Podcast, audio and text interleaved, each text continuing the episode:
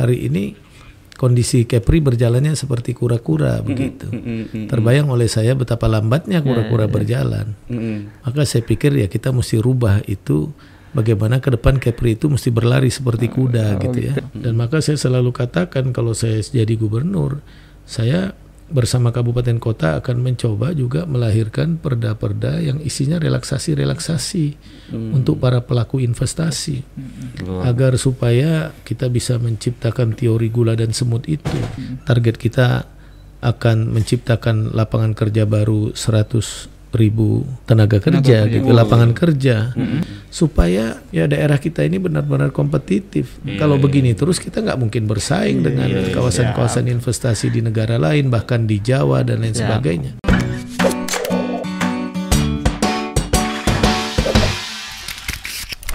Selamat datang Pak Ansar Ahmad. Selamat datang. ya Ah. terima kasih saya kembali diundang di Tribun siap. Ini kali kedua ya Bang ya. Kali kedua nih Pak Ansar eh, mampir ke studio kita. Sebenarnya kita undang semuanya nih, ya kan? Ya. Dan berharap sih undangannya urut ini, tapi yang, Yang duluan nih Pak Ansar yang menyambut nih. Wah, luar biasa. Iya, kita luar biasa pantas merasa mendapatkan hak istimewa nih. terima kasih Masih seger ya, padahal semalam kayaknya lagi ya. debat ya, Bang, ya. Iya iya iya iya. Pak Ansar, jadi sem- semalam tuh habis debat itu banyak yang mention ke kita apa yang calon-calon gubernur dibawa debat ke podcast dong gitu kan. Wah, kita sih ikut aja ke asal KPU dan Bawaslu boleh kan ya. alhamdulillah senang Iya iya. Tapi mungkin gini sebelumnya kita a- lebih baik kita akan lebih personal seperti ini karena kita ingin menggali Pak apa Iya. program-program eh, visi misi dari pasangan calon termasuk Pak Ansar agar lebih detail. Gimana Pak perasaannya setelah semalam Agak sedikit tegang ya Bang ya. ya debat itu? kadang-kadang ada yang di luar prediksi kita gitu Oh, ya iya, iya, pertanyaan iya. panelis Mm, mm, mm. akan tetapi ya kita coba mencari jawaban-jawaban yang mendekati kalau memang mungkin eh, pertanyaan itu mungkin jauh dari jangkauan kita Mm, mm, mm. tapi kan kita lihat tema besarnya tiga itu Mm, mm, mm, mm. kalau berbicara masalah pelayanan publik eh, ke masyarakat yang baik kan pasti berkaitan dengan aturan, berkaitan dengan eksistensi ASN, Betul betul. berkaitan dengan konsistensi kita melaksanakan aturan dan undang-undang. Mm, mm, mm. Saya kira kan eh, tiga kerangkanya itu di situ aja gitu. Jadi kita bisa juga eh, memberikan jawaban yang mengarah kepada hal-hal yang berkaitan dengan pelayanan publik dan objek-objek yang melayaninya gitu. Iya iya. Kita kalau kita juga mantau kita kita mantaunya di sosmed pak. Iya, kita mantau di sosmed mungkin karena nggak ini ke ferry ya. Kita mantau di sosmed tuh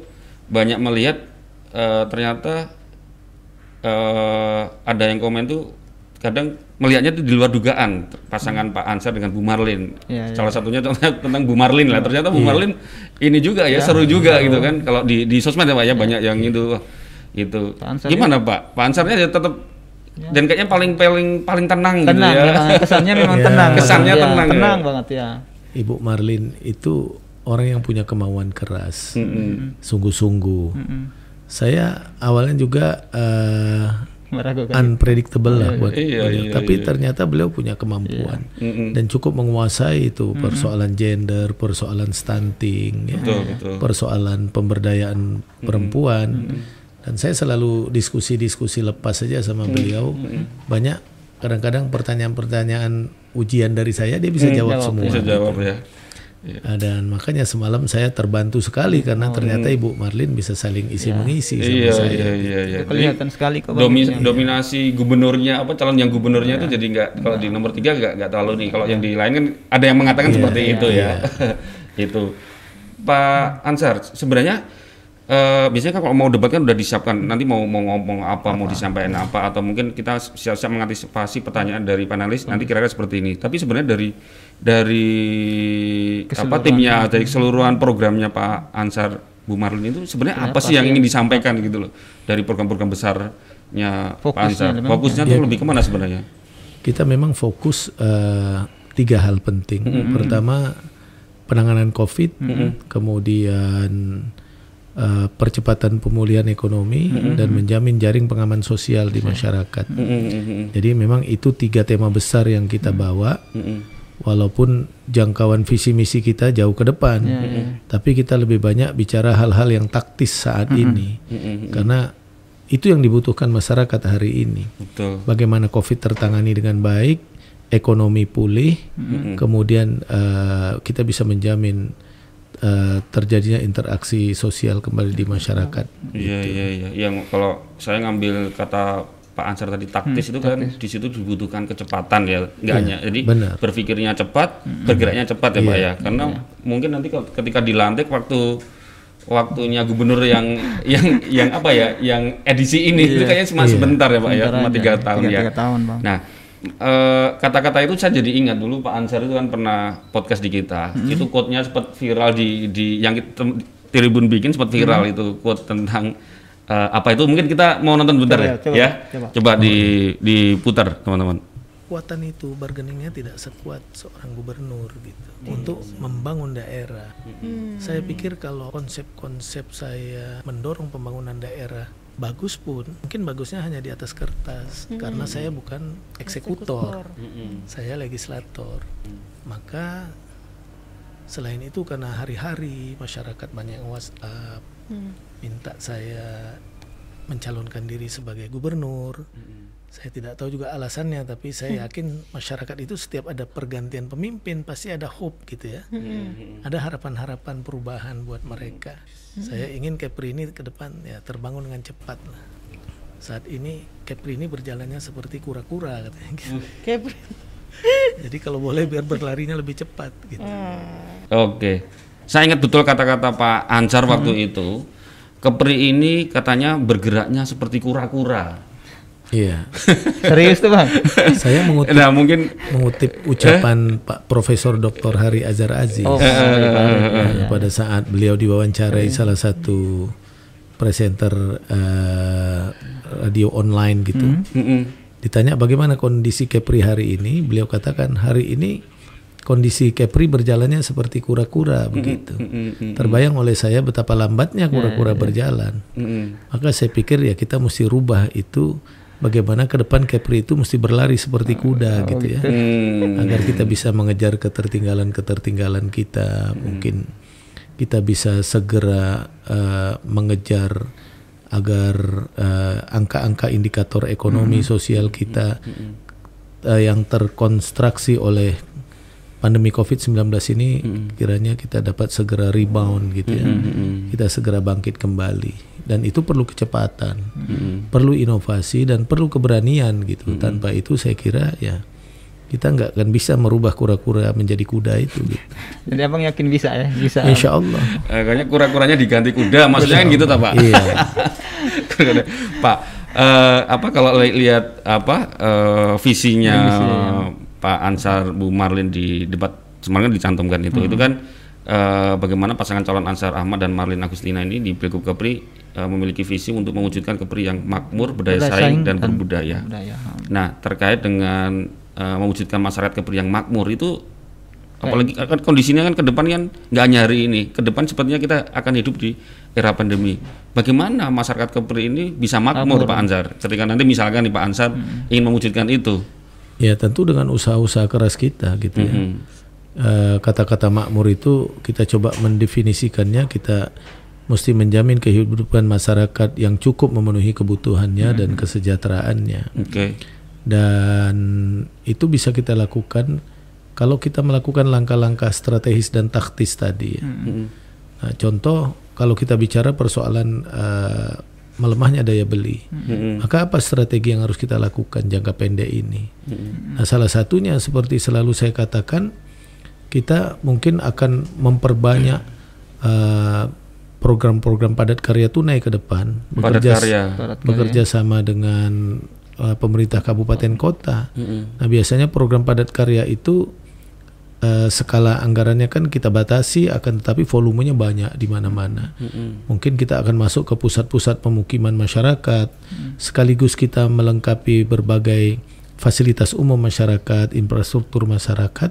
Kita juga memberikan kesempatan masyarakat bekerja dan biasanya program padat karya tunai itu masyarakat dibayar harian gitu. Mhm. Sehingga mereka yang mungkin terdampak Covid, pemutusan hubungan kerja atau dirumahkan, mereka bisa bekerja dalam jumlah yang yang banyak dan setiap hari mereka mendapat upah Hmm, sehingga daya beli masyarakat di bawah juga terjaga gitu. Hmm. Saya kira mungkin cara-cara dan strategi seperti itu yang harus kita lakukan dan kita akan mengurangi program-program besar uh, dalam arti kata yang uh, membebani APBD terlalu besar.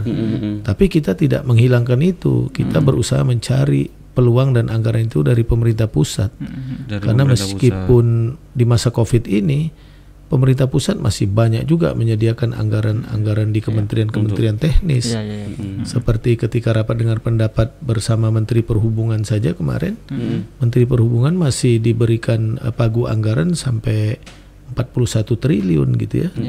Maka itu masih ada program-program eh, pembangunan di daerah-daerah yang urgen yang bisa kita kejar gitu. Dan ada 3,2 triliun rencana untuk 3,2 pendidikan-pendidikan pendidikan. pendidikan-pendidikan yang sebagian besar saya kira itu pendidikan vokasi. Oke. Vokasi di bidang eh, perhubungan. Mm-mm. Maka saya akan eh, merisik itu nanti kemungkinan kita kerjasama dengan Politeknik Batam agar APBN di perhubungan yang seperti itu kita tarik sebanyak-banyaknya juga ke Kepri. Kita tinggal mengakses generasi-generasi muda kita yang potensial untuk mengikuti pendidikan vokasi itu. Selain juga kita sediakan di APBD karena itu penting gitu. Hmm, nah ini kan momen podcast ini kan jadi kita bisa tahu lebih detail. Kalau debat semalam tuh Iya, kayak iya. banyak Mungkin komen terbat- terbatas nanggung. waktu mungkin ya. Iya pak, oh, nanggung ada yang bilang Iya, iya. kita nggak paham ini pada ngomongin apa gitu pak.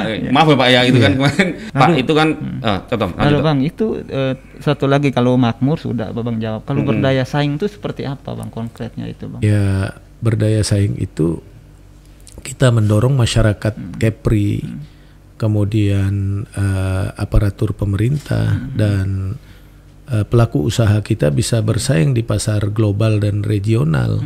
Dan ketika kita bicara daya saing di sisi masyarakat, kita eh, ke depan memang sengaja mengejar program-program pendidikan-pendidikan generasi muda kita yang bersertifikasi keahlian ya, pendidikan-pendidikan vokasi.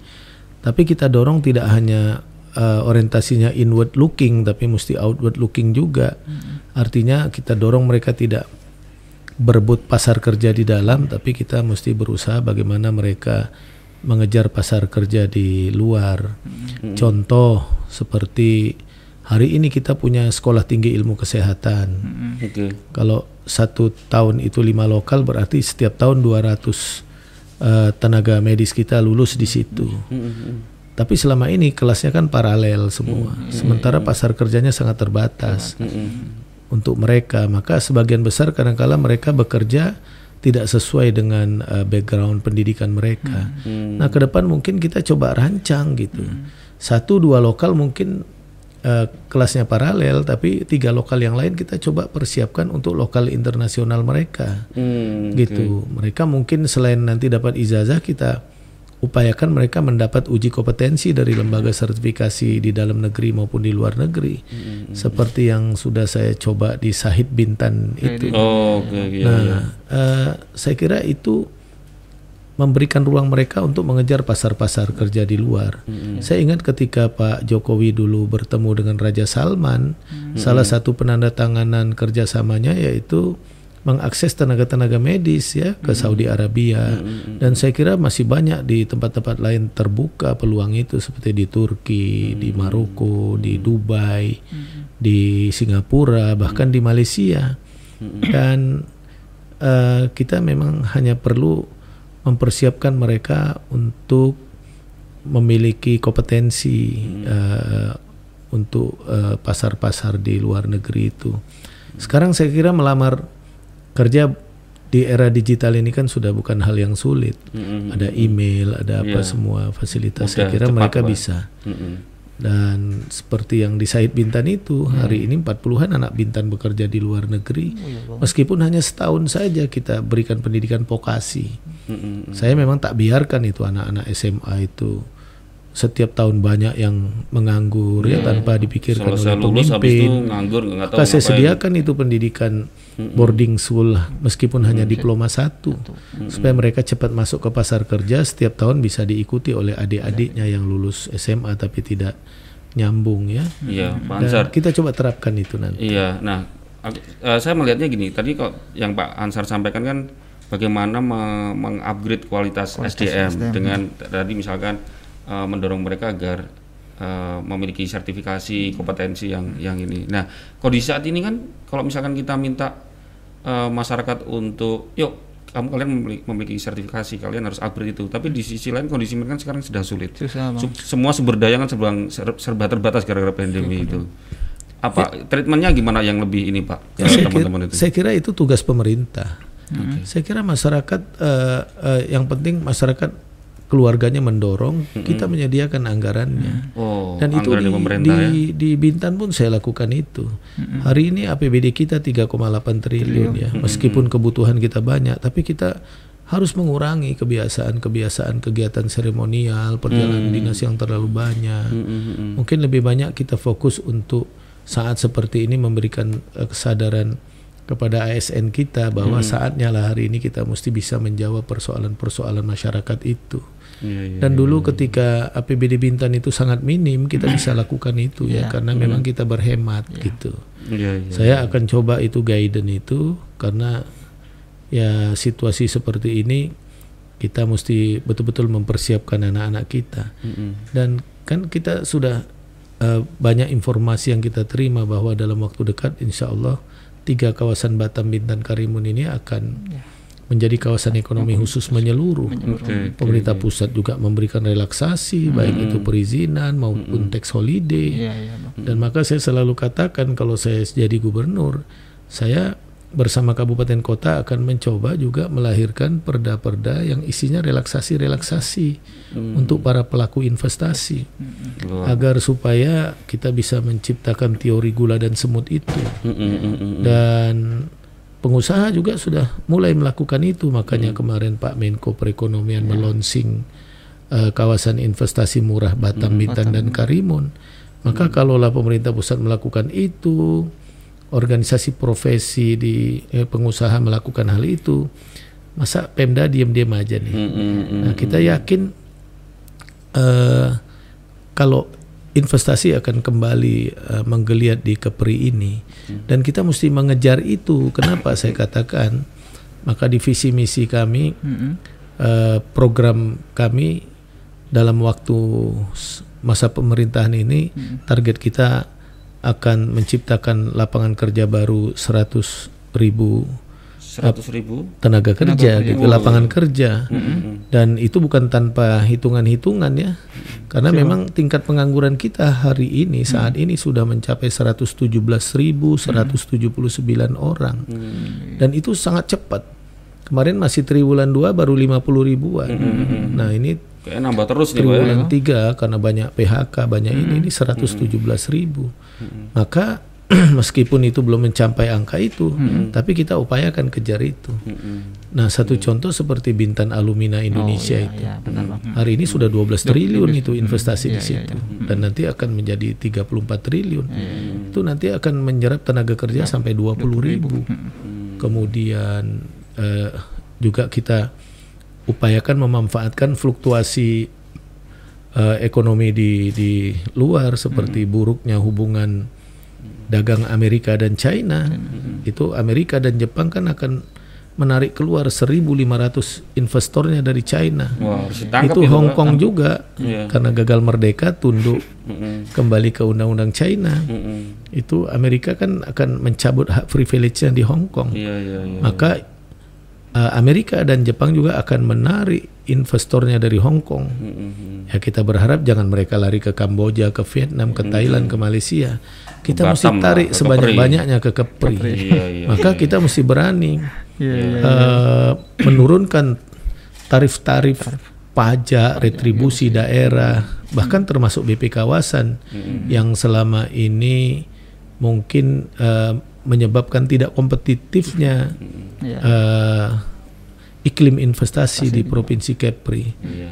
Saya kemarin ada satu yang menarik waktu Pak Menko Perekonomian di Bintan ketika beliau uh, virtual dengan beberapa pengusaha dari Amerika dan Jepang. Beberapa pengusaha di Jepang itu mengatakan begini, uh, salah satu persoalan mereka, uh, bayangkan ongkos kontainer Mm-mm. dari Jepang ke Singapura Ya. itu lebih murah dibandingkan ongkos kontainer yang sama, volume yang sama dari Batam ke Singapura. Bayangkan. Waduh, padahal jarak jaraknya berapa Makanya, jadi ini? kita mesti ada restrukturisasi, baik itu namanya pajak daerah maupun mungkin sewa-sewa yang diberlakukan badan pengusahaan kawasan, supaya ya daerah kita ini benar-benar kompetitif. Kalau begini terus kita nggak mungkin bersaing dengan kawasan-kawasan investasi di negara lain, bahkan di Jawa dan lain sebagainya. Belum kita bicara tingginya tingkat harga kebutuhan hari-hari dan bahan pokok kebutuhan lainnya di Kepri ini gitu. Maka ini mesti ada eh, kebijakan-kebijakan eh, terobosan-terobosan yang cukup berani ke depan gitu. Ya, Pak Ansar kita ini bisa kalau jadi gubernur kayaknya akan banyak ngasih diskon ini. Kayak diskon akhir tahun. Kemudian-kemudian ya. Iya, iya, Jadi tadi kalau Pak Ansar nargetkan 100 eh, apa? ribu, ribu. 100 ribu ya Pak ya? 100 ribu 100 ribu. Tadi yang Bintan Alumni aja 20 ribu. 20 ribu. 20 ribu. Cari 80 cari lima perusahaan dan nyampe target Pak. Makanya kalau kita cepat ini meregulasi, me- Iya. anu, eh, meregulasi kembali eh, pungutan-pungutan Iya, pajak retribusi yang retribusi. lain, saya kira kita bisa menarik sebagian dari rencana Amerika dan dan Iya, iya, iya. eh, Jepang itu menarik keluar investasinya dari China. Mm-mm. Dan kemarin setelah di launching kawasan eh, investasi murah Batam Bintan Karimun itu, itu di kawasan Wiraraja aja sudah ada beberapa investor Jepang yang bakal masuk. Oh, iya, Bang. Maka kita mendorong Kadin, Apindo sebaiknya duduk bersama supaya memperluas itu kawasan investasi murah di Batam Bintan Karimunnya. Karena situasi seperti ini tidak ada cara lain kecuali berani memberikan relaksasi kepada investor. Memang kita punya total loss ya. Diskon tadi pasti ada total loss. Tapi mungkin kita kehilangan 10 poin. Untuk kita akan dapat pengganti 100 poin. Karena setiap investasi pasti lapangan kerja Betul, baru betul. terbuka, target kita tadi tercapai mudah-mudahan. Kemudian lapangan usaha terbuka, kegiatan ekonomi yang lain bisa terdorong. Kita hanya barengi tadi dengan uh, meningkatkan kualitas SDM kita dengan program-program pendidikan vokasi bersertifikasi sesuai dengan uh, pasar kerja nanti ke depan yang yang tersedia. Nah, saya kira kalau demand dan supply ini ketemu, saya kira anak-anak kita mendapat tempat yang uh, terhormat. Iya, iya. Maka ini mesti simultan kerjanya ini. Berarti tadi yang makmur dan berdaya saing udah kejawab tuh ya. Iya. Terjawab Mas ya. Kalau constraint-nya APBD ya pertama kita mesti menghemat APBD. Pekerjaan-pekerjaan yang besar ya jangan kita bebani melalui APBD tapi kita cari peluang-peluang di pusat. Oke, mantap. Siap. Iya, Pak Ansar, eh, soal tadi mewujudkan masyarakat makmur dan berdaya saing sepertinya kejawab nih Pak. terjawab, Pak Ansar sudah jelaskan detail. Nah, sekarang Iya. terkait yang berbudaya, Budaya itu nih gimana? Ya artinya apa pun aktivitas ekonomi, sosial semua di di Kepri ini harus benar-benar tidak keluar dari kerangka budaya Melayu sebagai payungnya dan eh, juga dibingkai oleh budaya Nusantara. Nah, jadi supaya kita tidak kehilangan identitas. Artinya pembangunan kita laksanakan, kemudian kegiatan ekonomi kita laksanakan, akan tetapi eh, identitas budaya kita tidak kita tinggalkan. Hmm, dan juga ya, payungnya jaga. selain budaya dan tentunya agama. Mm, mm, mm. Karena Kepri ini identik dengan kemelayuannya. Biasanya eh, adat bersandikan sara, sara bersandikan kitabullah itu. Hmm, Jadi agama, budaya itu menjadi pendorong gitu ya iya, iya, iya. eh, untuk membangun daya saing dan memakmurkan masyarakat Kepri ini. Oke. Oh, Ah, Pak Ansar, eh, apa? Setiap pilkada, pilpres itu biasanya calon-calon punya punya senjata, Senjata, Ya, dan, menawarkan yang, ini. ah, ah, dan sering kita dengarnya itu selalu jualan kartu, Pak. Kartu, gitu. Nah, Pak Ansar kemarin dengar-dengar juga punya kartu juga, kartu apa ini? Kepri Sejahtera ya, Kepri ya? Sejahtera. Bisa dijelaskan itu, Pak? Apa itu kartu Kepri Sejahtera?